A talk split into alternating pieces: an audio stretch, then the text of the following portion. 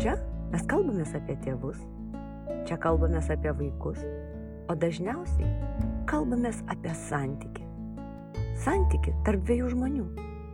Ir visai nesvarbu, jog vienas jų suaugęs, o kitas dar visai mažytis. Šios savaitės epizodą pristato Miracle Blanket – vystiklas naujagimiams, kurį galite rasti www.miegopelytės.lt. Sveiki mūsų podcast'o klausytojai. Šiandien turime antrąjį Aš tėtis rubrikos podcast'ą ir mes jį pakreipsim truputėlį kitokią temą. Pasikalbėsime apie Dūlą su Dūlų asociacijos pirmininkė Lina Gabriolavičinė. Sveiki, Lina. Sveiki. Mes kaip priešnekėjom prieš tai pokalbio pradžioj, e, aš asmeniškai prieš mūsų vaikučiui gimstant neturėjau iš vis jokio girdėjimo, kas yra dūla ir to žodžio kaip ir nežinojau. Neštumo metu aš jau čia kažką išgirdau žodį dūla, mi mistinė miškų būtybė man pasirodė iš karto.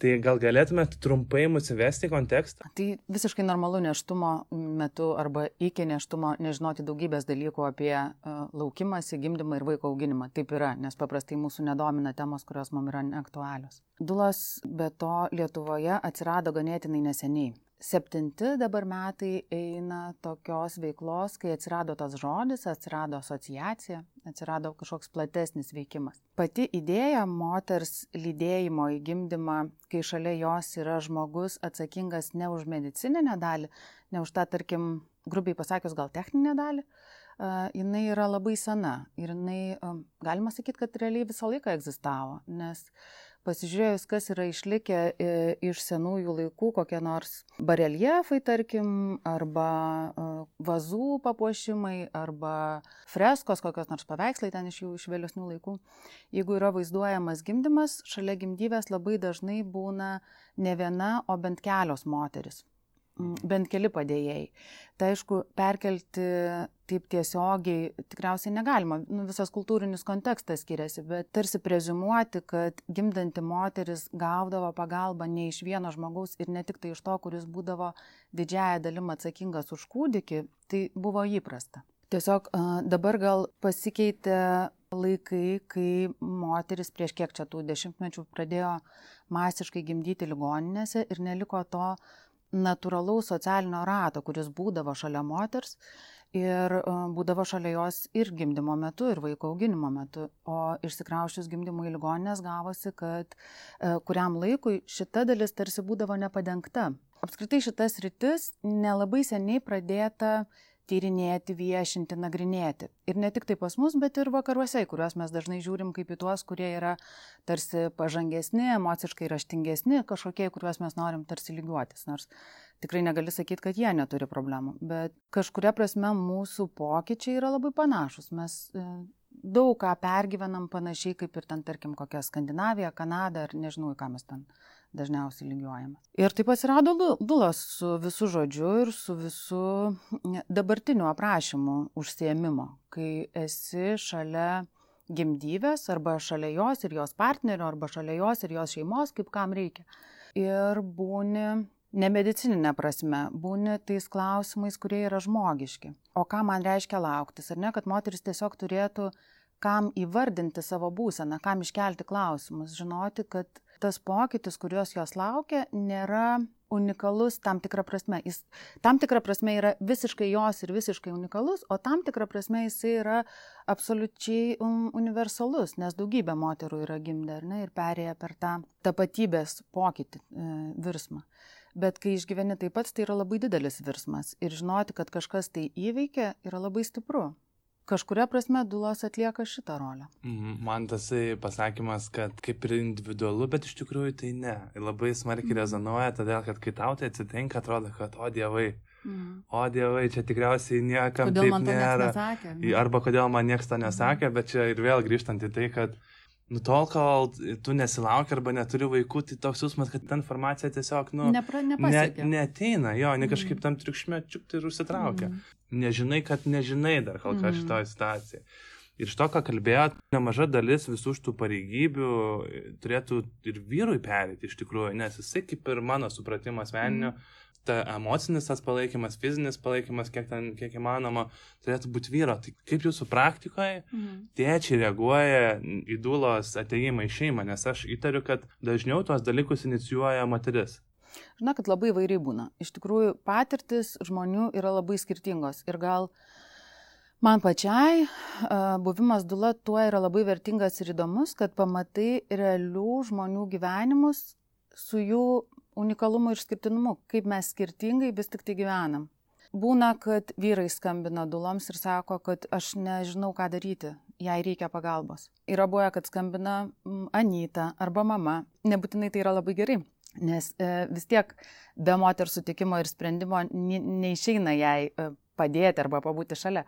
E, bet kartais tas įvardinimas iš šalies jai padeda priimti sprendimą. Tai būna visai, būna, kad vyras skatina, būna, kad vyras neleidžia, būna, kad abu sutinka, nu, visokių variantų gali būti.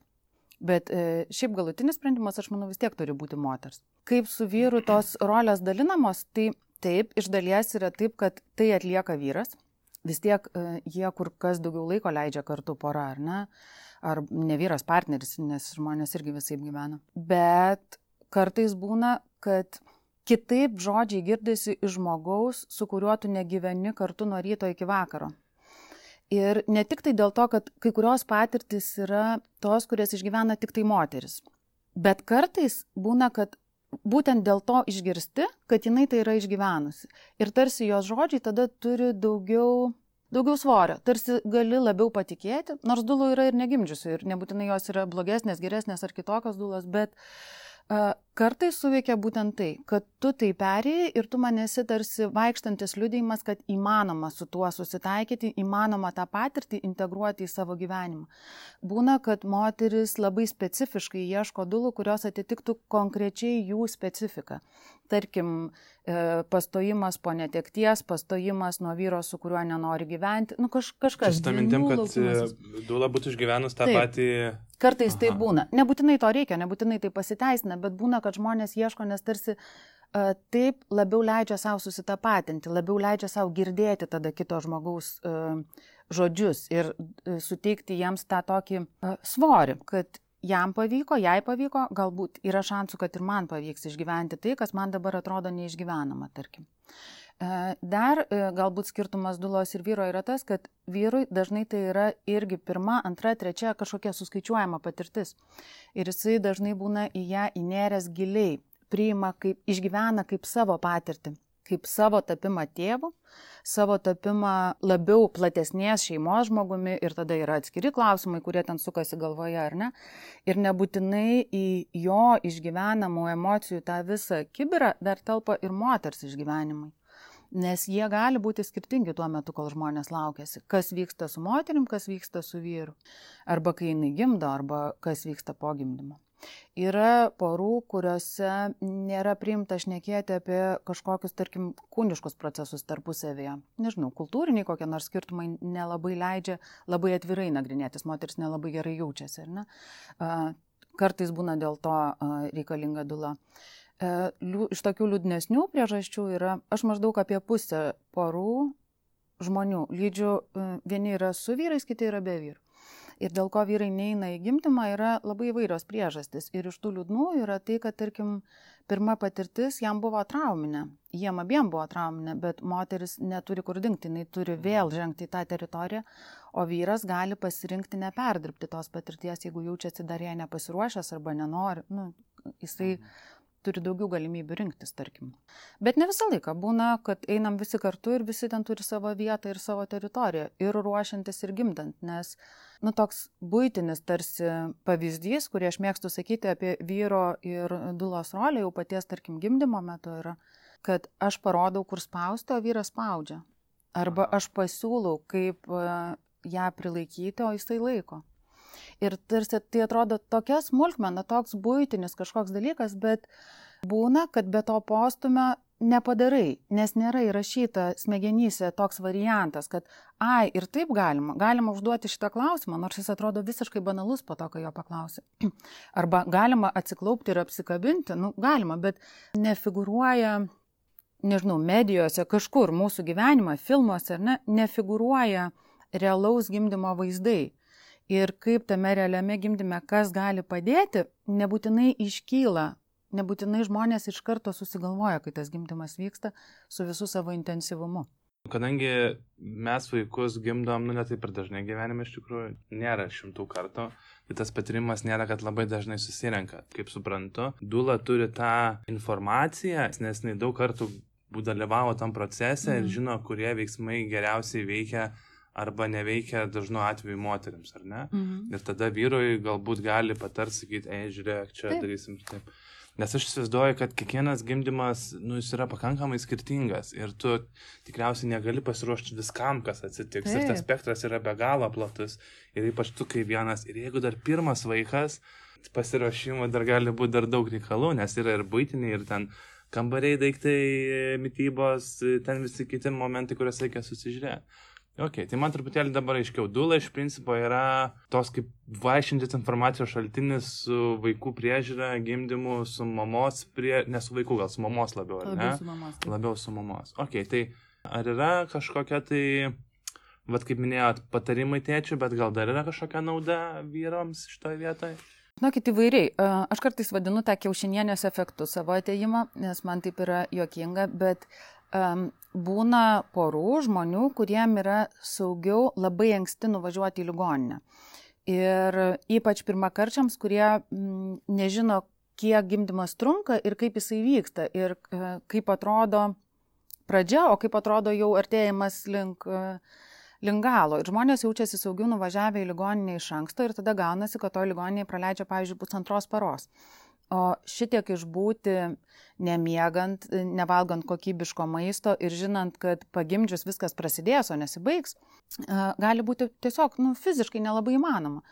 Ir gaunasi, kad atėjusi dula po vyro ligoninė jau praleistos nakties be miego ir bandant kažką daryti, nors dar nu, nelabai ten yra ką daryti, tai kad gali žmogų išleisti į miestą arba namo grįžti pavalgyti kokybiškai, šiltai, ne iš ten to aparato kažkokio tai supakuoto maistelio ir grįžti namo arba kažkur ant čiūžinio pamiegoti keletą nepertraukiamų valandų gali kokybiškai pakeisti jo būseną ir jo dalyvavimą gimdyme. Irgi atrodo tarsi smulkmena, ar ne? Arba kažkoks įvardinimas ir jam pasakymas, kas čia yra, arba ką reiškia tie skaičiai, arba ką reiškia ta, tie jo žodžiai, arba ko jinai nori, kai sako, mmm, pavyzdžiui. Nes kartais reikia to vertimo, jeigu vyras yra labai e, emocingas ir jausmiškai įsitraukęs į tą gimdymą, būna e, sunku susivokti, kas, kas čia yra, ypač kai moteris jau pereina į tą aktyvėją gimdymo stadiją ir žodžių nebelieka, kad tas neokorteksas atsijungia ir yra bendraujama nu, maksimaliai komandom. Ne, čia, ten, nu, Aha. nu, kažkokiam e, sutrumpintam frazėm. Tai kartais tiesiog atsiskie, nu, atsiskiesti arba priminti vyrui, kad jai galim padavinėti vandenį. Tas priminti tai nu, žvilgsniu tiesiog pasižiūrėti į gertuvę, ar ne, ir jisai prisimena, kad nu, toks tarsi sugrįžti į, į, į kūną labiau sugrįžti iš, iš to viso stipraus emocijų debesies, kuris nu, neretai pasiima. Mm. Yra kažkoks, e, nežinau, kodeksas, taisyklės, kad e, aš žinočiau arba kaip matyčiau, kaip dula pasiels tam tikroje situacijoje. Nu, kad jeigu aš kažką padarysiu, kad ne man neužduosiu pagalių per galvą. Mhm. Nes nu, yra kažkokia tikriausiai filosofija, linija, ideologija, uh, technikos tam tikros, kad tų žmonių dar labiau nestresint šitoje vietoje? Ar yra kažkoks bendras toks tonas? Ar... Ėjimas į gimdymą reiškia, kad leidėsi į nežinomybę. Ir tas pasiruošimas gimdymui yra žinojimas, kad tu turi kažkokias gairias, jis turi įsivaizdavimą ir žinai, kad tavęs laukia tai, ko tu nežinai. Kad bus kažkaip ir už kiekvieno posūkio bus naujai. Ir e, iš principo dulos rolė yra lydėti tame, kas vyksta. Žinoti šeimos iš ankstinius pasirinkimus, žinoti, kad jie gali kisti, mokėti klausytis ne tik tai to, kas yra sakoma tiesiogiai žodžiais, bet kas sakoma tarp eilučių, kas nutylima, kas kas vyksta tarp poros, matyti šiek tiek tokį tikslesnį vaizdą, nebūtina jį garsinti, ypač jeigu niekas neklausia, tai nebūtina kažką sakyti. Bet iš principo dulos rolė yra atliepti šeimos poreikius, nebandyti juos įsprausti į kažkokį idealą, kuris niekur ir niekada šiaip neegzistuoja, bet sekti paskui šeimą. Jeigu klausia, atsakyti, jeigu neklausia, nesakyti. Ir e, šitiem dalykam yra labai svarbu užtat iš ankstiniai susitikimai, nes prieš tai yra susitinkama Priklauso nuo to, kada šeima kreipiasi, priklauso nuo to, kokie jos poreikiai, nuo daugybės dalykų, bet iš principų, nu kokie bent trys susitikimai po keletą valandų yra. Tame tarpe yra ten susirašinėjimai, yra telefoniniai pokalbiai, bet gyvi susitikimai aptarti, ko tu iš manęs tikiesi, kaip aš galiu tą atliepti, yra ir tai yra labai svarbu.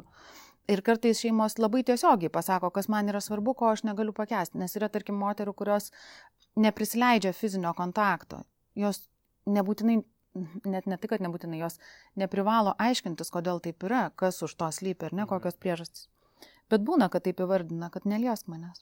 Arba e, yra šeimų, kuriuom labai yra svarbu, kad, tarkim, visi žodžiai būtų pagristi tyrimais. Tai taip su jais ir šnekėsi tada.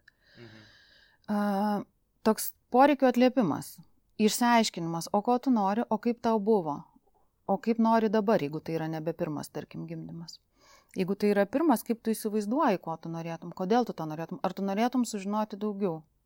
Ir jeigu norėtum, tai va, galiu pasidalinti. Yra knygų, yra įrašų, yra kursų, galim kartu praeiti kaž, kažką.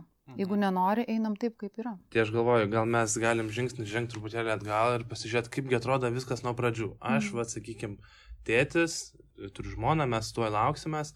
Tai va ir girdėjau pusę žodžio, kas yra dula. Mm. Tai nuo ko man reikėtų pradėti, kad išsiaiškint arba išsirinkti, arba kad galų gale mes tą sustikimą pirmą turėtume. Mm. Aš tai vadinu pačia specifiškiausia bendradarbiavimo dalimi, tas atsirinkimas. Tarsi, kai ketini įsileisti žmogų į savo gyvenimą, tam tikrą prasme. Tas santykis yra nelabai ilgalaikis, jis nesitęsia ten per amžius, bet vis tiek tai yra gana artimas santykis. Jautrus iš tikrųjų tokį, nu. Intimus, aš vartoju jo, šitą žodį, dėl to, kad jis yra, jis toksai yra, dėl to, kad yra dalykų, kuriuo aš, ne, aš kartais nežinau, kokias mokyklas tos moteris yra baigusios, bet aš žinau dalykų, kurių nežino jų geriausios draugės, nes nu, tai yra svarbu gimdymo metu, jeigu moteris pasirenka prieš tai pasidalinti. Va, tai tas bendradarbiavimas, jisai gali atrodyti įvairiai. Vieni žmonės pasiklauso, pasiskaito, kas e, prieinama yra viešumoje. Kiti pasirenka sekti kokias nors kelias arba vieną dulą socialiniuose tinkluose, jeigu jiems yra įdomu, arba tiesiog iš to galima iš tikrųjų bendrą kažkokį vaizdą susidaryti, kurią čia pusę lenkėsi, ar ne? Yra kas klausosi mm, žmonių turinčių asmeninės patirties, jų pasakojimų. Nes iš tikrųjų, kai atsirado moterų gimdžiusių su dulomis, ta veikla labai greitai iš, išplito, išaugo, iškerojo. Dėl to, kad kai yra gyva kažkieno patirtis, tu patiki visai kitaip, negu kai yra šnekama ten kažkokiais, kad tyrimai pagrindžia, kad užsienį yra, kad ten kokią nors Megan Markle renkasi. Tai yra visai kitos kategorijos žinios, ar ne, negu kai tavo klasiokė Aistė gimdė ir sako, kad jai buvo gerai. Mhm. Arba sako, kad, nu, buvo kažkaip gal biški keista, bet iš principo pasiteisino. Nu, kažkokia patirtis, kurią tu gali... Pasidalinti. Et, tu ją visai kitaip girdė, aš manau. Mhm. Ir Užtat būna, kad moteris renkasi tas pačias dulas, kurios rinkosi jų draugės, nes taip yra paprasčiau, nes taip išvengi tos vat, keistos fazės eiti susitikti, pavyzdžiui, su keliom ir tarsi rinktis, nes tai yra specifinė fazė. Mhm. Bet uh, mes darom, darydavom iki karantino uh, viešus tokius susitikimus, kas mėnesį, kur yra bent keletas dulų ir kur galima ateiti nu, be įsipareigojimų, pasižiūrėti, pasiklausyti. Dulo asociacija. Dulo asociacija, aha. Dulos asmeniškai daro įvairius užsiemimus, nes vienos yra kineziterapeutės, kitos yra jogos praktikės, tre, nu, žodžiu, tai ką įvardinsi, beveik viską rasti, ką jos ten, kuo mes užsiimam. Bet tai kartais ateina moteris į tuos susitikimus, kartais parašo messengerių arba žinutę parašo, kad nori susipažinti. Ir mm, aš susipažinti einu nemokamai, įvairiai daro dulos, bet būna tas, kad pirmam tokiam uh, susitikimui, susipratimui, nori, nenori, trumpam pasi, pasimatymui, arba pasiprašo tik tai konsultacijos. Ir po to galvoja, nori ar nenori. Ir, nu, ta įvairovė nėra labai plati, bet visai daro žmonės. Mhm. Tai kaip suprantu, galima turėti ir konsultaciją vieną, Taip. vieną kartinę iš principo, taip. ne? Ir galima turėti kaip ir, nežinau, prie, prie, priežiūrą. Vadinam paketą, taip. Paketą visą. Jo, kai yra konsultacijos, pasiruošimas, išsiaiškinimas poreikių ir galimybių. Ir tada yra būdėjimas, dalyvavimas gimdyme ir po to dar yra susitikimas. Būdėjimas kažkaip per Budėjimas yra labai specifinė dalis, kai, nes gimdymas yra toksai stipriai iš visų kontekstų šio laikinio pasaulio iššokantis reiškinys. Jisai netelpa į skaičius, jo neįmanoma pavadinti, kas yra vidutinis gimdymas, kokia jo yra trukmė, kokia yra normaliai eiga. Prasme, Mhm. me, žmonės tą daro, bet tai netitinka jo natūros, jo turinio. Ir kada prasidės gimdymas, niekas nežino. Taip. Mes tarsi sakom, kad nuo 37 iki 42 savaitės, ar ne? Bet dar tame tarpe turim pasisakyti, kad ne visą laiką yra aišku, kada tas pastojimas įvyko, ne visą laiką yra aišku, kiek konkrečiai šitas žmogus yra nutaręs bręsti gimdoje. Ir nu, daugybė tokių niuansų, kur negali pasakyti. Ir tas būdėjimas nuo 37 iki 42 savaitės, tai reiškia, kad tu esi tavo telefonas visą laiką pakrautas, tu jį pakeli ir gali prisistatyti ten priklausomai nuo susitarimo per dvi valandas, per kažkiek tai laiko, ar ne, kai tu atsiduri šalia moters ir esi pasiruošusi šalia jos būti tiek, kiek jai reikės. Ir būna taip, kad aš išeinu namo ir sakau iki nežinau kada. Mhm. Ir tas nežinau kada šiaip turi nu, labai daug savyje, kad mano vaikais turi būti pasirūpinta, a, mano namai irgi turi būti užrakinti, atrakinti, visi kiti reikalai e, turi būti padengti. Visos kitos veiklos irgi turi turėti pakaitinius žmonės, turi būti apgalvoti. Tai tame yra labai daug specifikos. O kiek tada gali turėti dulą realiai šeimų iš tikrųjų, nes jeigu čia sukrenta 3 nuo 37 savaitės, Mhm. tai tu iš principo nebelabai jau turi... Įvairiai, e, bet tarsi atsispiriant nuo šito, bet mano atsakymas yra kitoks dėl tų šeimų turėjimo, nes tas lydėjimas šiaip yra labai intensyvus užsiemimas. Ne tik tai fiziškai, kad, tarkim, tau gali tekti šalia gimdančios moters ir būti ten su pirmin atgal nuvažiavimu, su pasibuvimais, ar ne, pavyzdžiui, dvi paras. E, Būna, bet net jeigu gimdymas yra labai greitas ir tai vyksta šalia mano namų, vis tiek trumpiausiai, kiek tenka būti, yra bent šešios valandos. Net jeigu jinai atvažiuoja jau paskutinę minutę ir tave išsikviečia, vis tiek tas laikas yra, nu tai ne 20 minučių darbas. E, Bet jisai yra intensyvus labai ir emociškai, nes būti šalia kito žmogus, kuris išgyvena didžiulį virsmą, ir man reiškia labai daug. Tai vien dėl to aš negaliu įsileisti savo gyvenimą labai tankiai žmonių, labai skirtingų žmonių, tam, kad aš juos uh, galėčiau pažinti, tam, kad galėčiau juos labai keisti tie žodžiai, tam, kad apibūdinčiau, kaip tai yra. Nu, Bet tarsi įsileisti į sąmonę, įsileisti į širdį, tai yra nu, energijos labai stipriai reikalaujantis užsiemimas. O dėl tų, kaip suderinti, tai čia tarptautiniuose dulų pokalbiuose visą laiką yra pasidalinimai patirtim, kaip tu darai, nes vienos turi, dirba tarsi komandomis, turi pakaitinės dulas kartais.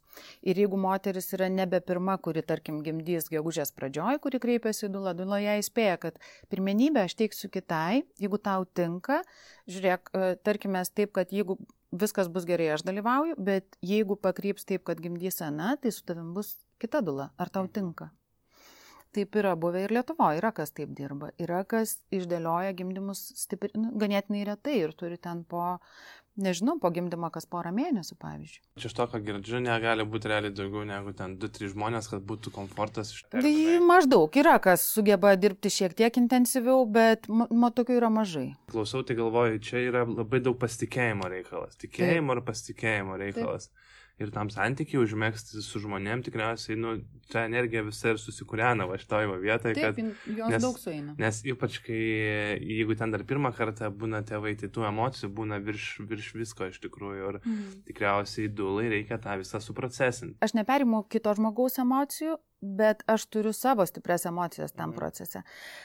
Bet čia irgi yra visaip, nes būna, kad jau supranti, kad o jau vieną koją įkišau ne į savo procesus, kaip iš to išlipti. Tai irgi yra, nu, toks... Taip, nu, darbas iš principo. Taip, taip. Tai čia gal technika, ko dula pasirenka, yra jos asmeninis Mhm. reikalas, bet iš principo tai bet kokiu atveju reikalauja nuolatinio tokio dėmesio vadinti. Budrumo ir samoningumo, taip. Tai dabar rezumuojant to, nuo ko čia reikėtų pradėti, iš principo socialinė medija turi daug informacijos, Taip. ar ne? O pati dulų asociacijos puslapis irgi turi daug informacijos. Ar visos dulos yra... Ne, ne visai, nes e, kai kurios pasirenka dirbti, tarkim, tik tai su pažįstama moterim, kai kurios pasirenka dirbti tik tai savanoriškais pagrindais ir tada tą daro per kokias nors organizacijas, dauguma jų yra kokiam nors, pavyzdžiui, krizinio neštumo centre. Kai kurios neprisiuošia a, įsidėti nuotraukos, nu, būna būtinių priežasčių, ar ne, bet e, didžioji dalis tų, kurios priklauso asociacijai ir kurios dirba, yra mm, puslapyje ir Facebook'e. Dulos Lietuvoje mes turim Facebook'o profilį, kuriame irgi yra daug informacijos, kas, kas su mumis vyksta, o dauguma turi ir savo asmeninius kokius nors profilius, kuriuos, ne asmeninius, o profesinius, kuriuos e, skiria savo veiklos viešinimui arba, nu, tiesiog kontaktams. Pusė dulų Lietuvos yra asociacijai, galima tik. E, gal šiek tiek daugiau. Tos dulos kaip ir gimdymai, žinokit, sunkiai sueina į skaičius, dėl to, kad uh, labai daug jų susilaukia vis naujų mažų vaikų, su kuriais e, neina dulauti. Taip, arba su kuriais dulauja kitaip, bet neįdamos į gimdymus, bet būdamos, tarkim, moterų ratose, darydamos mhm. kažkokias e, grupės, e, mamų palaikymo grupės ar e, kažkokius panašius užsiemimus. Ok, tai dabar aš susirandu arba per asociacijos puslapį, arba mm. per Facebooką, per socialinę mediją, iš esmės dulą. Tai parašau ją ir kitas žingsnis yra tiesiog gyvas susitikimas tikriausiai, ne? Arba pokalbis telefonu, kaip abiem pusėm kaip yra priimtina. Ir ką tada reikėtų susitart? Minėjot, kad reikia susitart lūkesčius mūsų, o tai, vat, kur man tą informaciją pažiūrėti, kokie mano lūkesčiai gali mm. būti? Atvirumas, man atrodo, labai padeda, kai atini ir sakai, aš nežinau, ko noriu, bet man atrodo, kad noriu susitikti ir išsiaiškinti, pasišnekėti, noriu Aha. sužinoti. Nieko nežinau, kas tai yra. Aha. Ir iš to gali išsivinioti labai geras pokalbis, labai aiškus toksai žinojimas, o man tai svarbu ar nesvarbu, aš tą noriu žinoti ar nenoriu žinoti. Kaip man atrodo, nes e, Dula kartais užduoda tokius klausimus, kurie neša labai į, tok, į ilgus galvojimus. Arba atvirkščiai prieini klausimą, jo, bet renkuosi nežinoti arba renkuosi nesigilinti, nes tai irgi yra legalus atsakymas, tarkim. Dėl to, kad e, gimdymo ir vaiko auginimo temose yra labai labai, labai daug informacijos ir labai daug jos yra naujos, kurių, tarkim, mūsų tėvai dar nežinojo, nebuvo prie, nebuvo mhm. net galvojama daryti ten tokių tyrimų arba iš vis gilintis į tokias rytis. Tai tas susitikimas net ir toksai, kai aš nežinau, kažko, ko nežinau, bet man atrodo, kad norėčiau kažką žinoti. Ir gali būti, kad tuo susitikimu ir baigsis tas bendradarbiavimas, nes paaiškės, kad jums nesinori iš tikrųjų dulos, kad jums jos nereikia. Bet man atrodo, toks visai yra geras savo, tada žinai, kad padarai tiek, kiek tau reikėjo, kad nepalieki tokios erdvės tarsi apgailestavimui, jeigu kažkaip pasisuka ne taip, arba, nu, tiesiog tos tokios, kad o galbūt galėjo būti kitaip, o gal, o jeigu būtų, tai nebūtų, būtų, būtų, kitaip būtų, nu, ten tokių. Galima telefonu kai kurios klausimus išsiaiškinti, galima išsigūglinti kokią nors, nes yra Amerikos e, Dona vadinama, nu, tokia didžiausia organizacija Amerikose vienijanti dulas. Ir jie turi pas, nu, tiesiog paruoštukus tokius, kokius klausimus užduoti dulai, kaip išsirinkti dulą, kuri geriausiai jums tiks. Galima tokius išsitraukti, apsižiūrėti. Taip, tai mes susitikom su dula dabar, e, pasižiūrėjom ir sakom, kad mums pakeliui, viskas mm -hmm. labai faina, važiuojam. Tai kaip toliau viskas atrodo? Priklausomai nuo to, kada šeima kreipiasi ir kokie jos yra poreikiai, čia tą mantrą aš visą laiką kartoju, bet be to neišeina. Dėl to, kad žmonės tikrai turi skirtingų priežasčių, dėl ko jie kviečiasi dulą. E, dar svarbu gal yra tai, kad nebūtinai žmonės yra garsiai įvardinę arba įsisamoninę tas priežastis, dėl ko jie kviečiasi. Ir tai yra normalu. E, man užtat labai yra gerai, kai susipažįstam, kai iki gimdymo yra likę dar ne savaitę, o šiek tiek daugiau. Ir kad gali susitikti su žmogum ne pirmadienį, antradienį, trečiadienį, o ketvirtadienį ketvirtadienį gimdyti, o tarp susitikimų turėti tarpus, per kuriuos žmogus supranta, susapnuoja, atranda, atsikasa kažką, kas giliai jame guli, kažkur sąmoniai. Toks klausimas, kurio jisai nežinojo, kad jisai turi, arba kažkokią frazę, arba kažkoks svarbus. Tai, nu, žinokit, yra taip įvairiai buvę. Būna, kad uh, duodu knygą paskaityti, kad rastų, kad, nu, kažkokią bazę žinių susikrautų. Būna, kad aptarinėjom kažkokius santykius, pavyzdžiui, su mama. Arba būna, kad moteris verkia dvi valandas apie buvusi gimdymą, o išsiverkus pradeda ieškoti, o kaip daryti, kad būtų kitaip. Aha. Nes Lietuvoje bent jau man taip kliūna, kad tikrai labai nemaža dalis yra tokio darbo.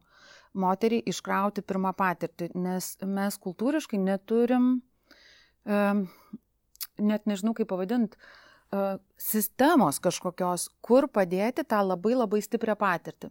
Mes e, nesame įpratę, dauguma, e, nesame įpratę reflektuoti savo patirčių, perdirbti jų, nu, vad ką reiškia, kai aš patyriau kažką labai stipraus, kur visą tai dėti.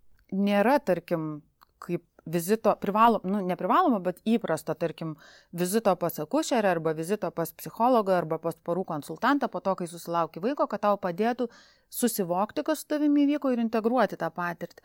Ir iš to nežinojimo dažnai gaunasi, kad man viskas buvo gerai, svarbu vaikas sveikas ir aš sveika ir aš nebenoriu apie tai galvoti ir tik tai sapnuose lenda kažkokie persikėjantis vaizdai arba nuolatiniai tokie trigeriai, ne, nežinau, gatvėse erzina kaip nors konkrečiai atrodančios moteris arba kaip nors konkrečiai besielgintis vaikai.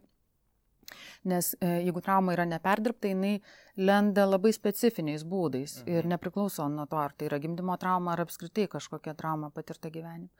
Bet e, paprastai Lietuvoje gaunasi, kad žmogus yra paliktas su tuo tvarkytis pats ir labai nuo to tada priklauso, kiek jisai yra brandus, kiek jisai yra socialiai stiprus ir turi ryšių ir įgūdžių ieškoti pagalbos susitvarkyti su kažkuo, kas yra labai intensyvu. Mhm. Ir tas intensyvumas gali būti vienos moters, gali būti ir moters, ir vyro, o gali būti dar ir jų tarpusavio santykio.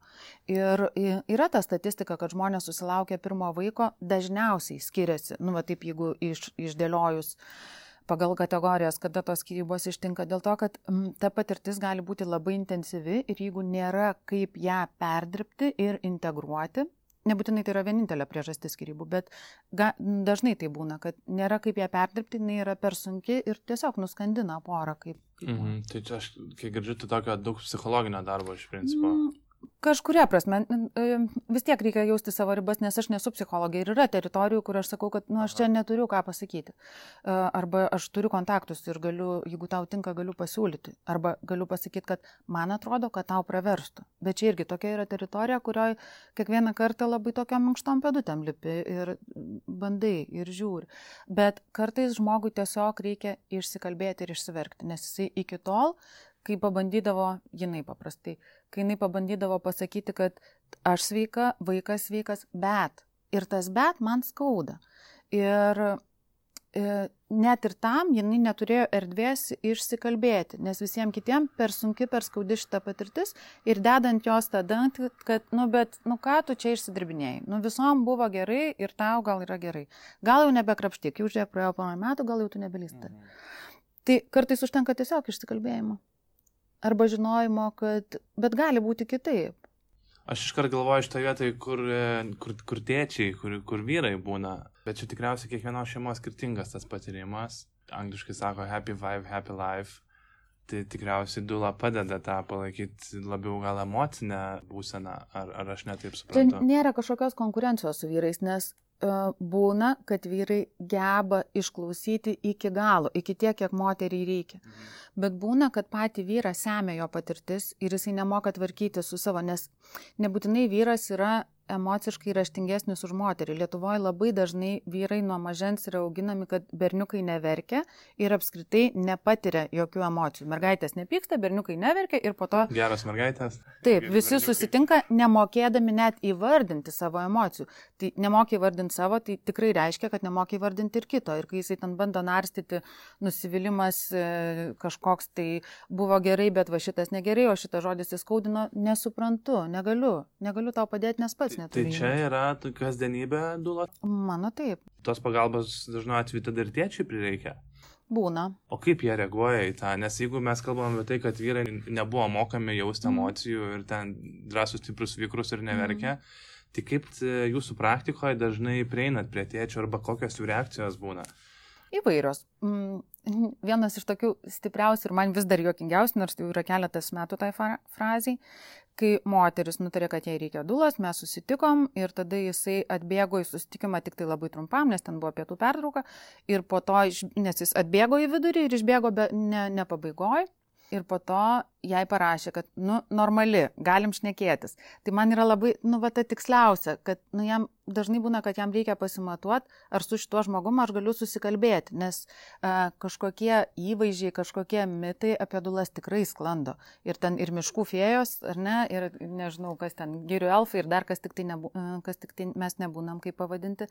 Tai aišku, kad tai yra slengstis, kurį ne kiekvienas gali perlipti, ar ne, ir susidaryti savo nuomonę, kai a, visuomenėje sklando kažkokie jam nu, nepalankus tarsi apibūdinimai. Bet kaip su vyru susikalbėti, irgi labai priklauso nuo konkretaus vyro. Su vienu užtenka netiesiog išnekėtis. Šnekėsi su moterim, jisai girdi ir perdirbinėja. E, savo kaž, kažkokias patirtis, arba įvardina, arba tiesiog supranta, ai, kaip tau buvo, nes kartais tai būna pirmas kartas, kai jisai girdi savo moterį atvirai kalbant apie gimdymą. Mhm. Dėl to, kad iki tol jinai jaučia, kad e, jisai kažkaip atsako tarsi atstumdamas, nespecialiai, nenorėdamas, bet tiesiog ne, nemokėdamas, ar ne? Ir jinai nešneka toliau. Ir gaunasi, kad jin tą patirtį nešioja su savim, o sėdi šalia dulai, jinai tarsi šneka dulai, vyras girdi šalia ir tik tai tada ateina. Tai tau tai buvo, nes aš iš šalies mačiau visai kitaip ir jisai mano, kad jo patirtis yra tokia pati kaip moters patirtis. Dažnai tai būna? Mm. Jūsų praktikoje? Būna, jo.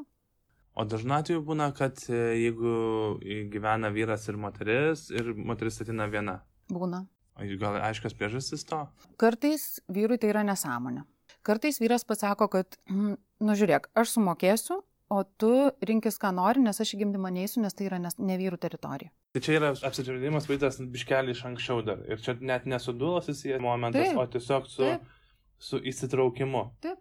Bet iš tikrųjų tai aš manau, kad vyrai, kurie gali sąžiningai įvardinti savo požiūrį į gimdymą ir savo būseną, yra geresnė versija net, net tada, jeigu jie sako, ne tai, ką moteris norėtų iš jo girdėti, negu tada, kai jisai sako ne taip, kaip jam yra. E, jeigu moteris sako, aš noriu, kad tu mane lydėtum, vyras visai kaip viduje priešinasi, bet sako, jo gerai, iš to kyla kur kas, nu, tame gali būti pakasta kur kas daugiau problemų, negu tame tiesmukame ir visiškame uh, atsakyme, kad aš tikrai neįsiu. Tai geresnis pasirinkimas bus tiesiog pasakyti taip, kaip jautiesi. Taip. Ir jeigu, ir nori, jeigu gaunasi ieškoti kompromiso, tai aišku, kad labai gerai ieško, moteriai įvardinti, kodėl man tai yra svarbu, kaip man bus be tavęs, ko aš iš tavęs noriu. Tada lysti ir nagrinėti plonesnės tas gyjas. Uh, bet jeigu vyras gali pasakyti tik tai tiek, kad aš negaliu ir neįsiu, Tai yra labai sąžininga pozicija, nes kitų žmonių būsenos gimdyvę labai stipriai veikia. Ir jeigu gimdykloje sėdi va toks ledo kalnas, kuris visai kaip nori iš tenai ištrūkti ir jis tą daro, jisai tada žiūri į ekraną, jis tada eina rūkyti kas penkias minutės, jisai kabinėjasi prie gydytojų. Prasme, jisai negali pabėgti fiziškai, kūnas jo yra pasižadėjęs čia būti, nu, bet mintimis tai jisai visai kaip iš ten lėkia. Tai Kada geriausia būtų kreiptis į dulą? Tada, kada kyla mintis ir tada, kai yra laiko. Aš esu bendravusi su moterim ir nuo šeštos neštumo savaitės, nu, ta prasme, tik pasidarė Aha. testą. Ne?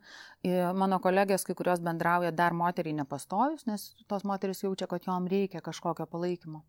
E, bet nu, tarsi dažniau būna tada, kai atsiranda daugiau laisvo laiko. Kai, jeigu tai yra pirmas vaikas, tai reiškia, kad baigėsi darbiniai įsipareigojimai, ar ne, išeinama kažkur tai, arba tiesiog tarp komandiruočių, nu, tada, kada žmogus turi laiko. Ir būna, kad susipažįstu, nu, va, tarkim, susipažįstu dešimtą neštumo savaitę, moteris apsižiūri, jis supranta, kad nori, susitinkam tą savaitę, o po to susitinkam po poros mėnesių tik tai.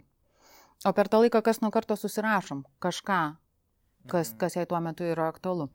E, gal tarsi galima, vat, norint vidurkinti ar nesakyti, nu, kad kokią ten 20, pavyzdžiui, 6 savaitę Ir tada susitinkam, tada susitinkam dar po keletą savaičių, dar po keletą savaičių, per tą laiką aptarnėjom, per tą laiką jie nueina į kokius nors ten žindimo kursus, į gero pasiruošimo gimdymui kursus, e, jiems iškyla klausimų, jie išeina iš tos teritorijos, kur nežinau, kad nežinau, išeina į ten teritoriją, kad žinau, kad nežinau, ir žiūrėk, ir čia nežinau, ir čia nežinau, o gal čia norėčiau pasigilinti, o dievė, o tai čia kiek visko daug, o tai gal tu mane kur nors nukreipk, jeigu, tau, jeigu žinai, kur, kur būtų verta. E, tai toks tas palaipsninis bendradarbiavimas. Jį yra sunku man dabar įvardinti kaip vidurkį dėl to, kad nėra tokio vidurkio. Mhm. Ir man atrodo, kad mm, aš dažnai per pirmąjį susitikimą ir sakau, kad turėti dulą privalumas yra tai, kad tu gali individualizuoti savo patirtį. Tik tai nėra taip labai paprasta. Bet skirk tam laiko ir pagalvok, ko aš noriu kas man yra svarbu. Ar aš noriu šnekėtis, ar aš noriu skolintis knygas, nes tarkim, aš turiu ganėtinai didelę e, gerų knygų biblioteką ir man labai patinka jas skolinti, turiu ir gerų filmų. Ar noriu eiti pasivaikščioti, ar nu, nu, ko, ko aš iš to noriu. Mhm. Ar noriu kažkokių fizinių užsiemimų, kažkokių masažų, pasupimų, dar kažko. Nu, daugybė yra dalykų, kurių galima norėti. Okay. Tik tai reikia savo jau ateiti tą teritoriją, kai, ai, aš galiu rinktis kažkokį gimdymą pagal save ir tada galvoti, o tai kokio aš to gimdymo norėčiau. Nes dažnai iki gimdymo mes ateinam, kad tai nėra joks pasirinkimas, kad tai yra duotybė, kad darai taip, kaip daro visi, arba darai kaip pasakyta, bet taip gyvenime niekada nebūna. Nu, tai bent jau retai toks pasirinkimas pasiteisina. Kalbėjot, kad yra daug mitų, kaip dabar yra tie finansiniai visi reikalai, mm. nes aš galvoju, kad irgi yra truputėlį mistifikuota vieta, mm. kur galbūt e, žmonės net, net nepradeda, nes galvoja, kad yra nu, labai labai gal brangu. Mm. Tai gal yra kažkokie vidurkiai. Yra tokios apibrieštis tarsi, nes um, aišku, kad yra skirtinga dirbti Vilniuje ir, tarkim, Utenos rajone, ar ne? Tarsi yra savaime suprantama, arba yra skirtinga, kur yra dula praktikantė, kur yra žmogus turintis e, didelę patirtį. Lygiai dar yra dulų, kaip supratau. A patirčių gal patirtis yra skirtingos. Skirtingai yra nuo to, kiek moteris nori. Ar, ne? ar jai užtenka to vadinamo paketo, pagal kurį dirba daug dulų ir Lietuva, ir, ir užsienį dažnai būna taip.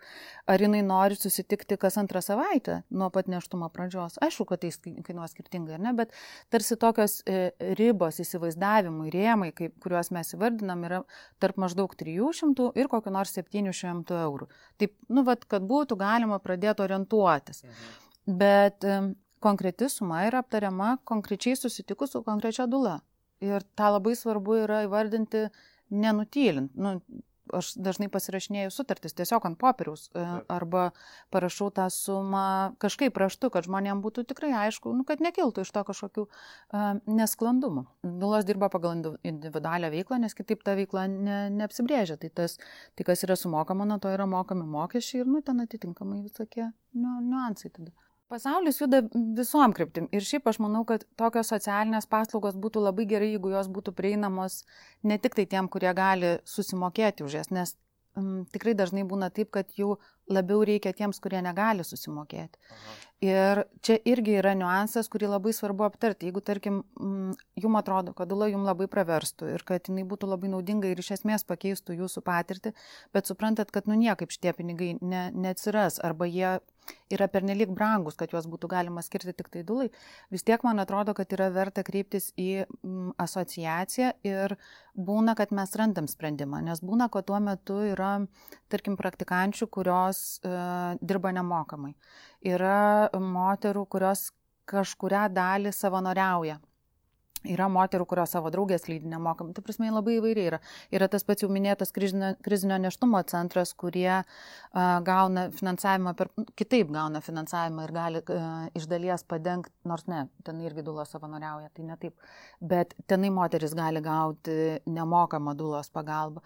Žodžiu, kad uh, pinigai nėra tas vienintelis veiksnys, kuris mhm. apsprendžia. Ir pasaulis tai juda tą linkme. Iš tikrųjų, tai yra skirtingose šalyse, Amerikoje tai skirtingose valstijose, bet yra dulos, kurios yra finansuojamos valstybės, yra finansuojamų savivaldybių, yra finansuojamų nevyriausybinio organizacijų, dėl to, kad yra akivaizdu, kad šita paslauga yra vertinga, jinai kuria vertę ne tik tai tai konkrečiai moteriai, tai konkrečiai šeimai, bet ir visuomeniai. Nu, tai yra toks tarsi visuomeninis interesas, kad moteris turėtų kuo geresnę uh, gimdymo patirtį, nes su blogo gimdymo patirtim gali aukti daug problemų apie psichologinę būseną, apie sutrikusį ryšį su kūdikiu, apie santykius. Nu, daugybė gali iš to išaukti ne, tokių nepageidaujamų patirčių e, ir gyventi šalia nelaimingų žmonių iš principo visiems yra mažiau palanku. Taip, nes žmonės dalinasi tuo, ką turi. Jeigu taip. jie tuo metu jaučiasi laimingi, jie dalinasi tą laimę. Jeigu jie jaučiasi taip, kaip nu, galbūt nenorėtų jaustis, jie to nenori, mm. liūdės ir dalinas. Taip pabaigai e, mūsų podcast'ą, aš kažkaip tai jaučiu, kad mes galėtume dar labai daug čia kalbėti ir e, aš tai pamačiau dabar tik tai laikrodį mm. ir tų klausimų yra daugiau ir tą gilę galėtumėm daugiau,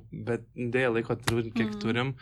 Tai aš vis tiek kažkaip norėčiau orientuojamės truputėlį į tėčius, gal iš savo patirties turit kokią nors žinutę tėčiams, e, kad jie taip nemistifikuotų dūlos. Aš asmeniškai per save perlydžiu mm. šitą reikalą, nes aš turiu, kad mamos dažnu atveju dažniau skaito ir žino šitą yeah. žodį.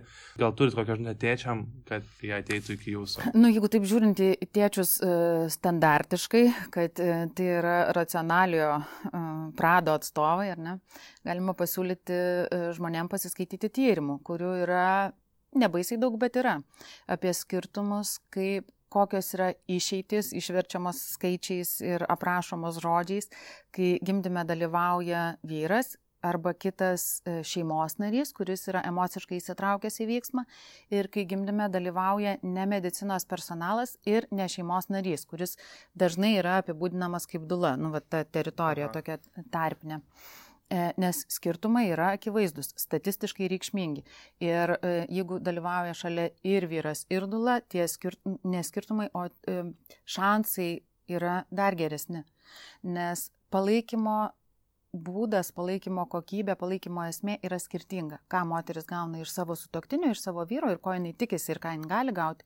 Ir to, ką jinai gauna iš kito žmogaus, kuris nėra žmogus, su kuriuo jin gyvena ir su kuriuo jin gali pasirinkti po to nebelabai matytis, bet tuo metu būti visiškai atvira yra skirtingi dalykai. Yra pavardės tų tyriejų yra Klaus ir Kennel, jie buvo pirmieji ir tai jau buvo labai senai, kada tai buvo daryta, jau dešimtmečių skaičiuoja tie tyrimai.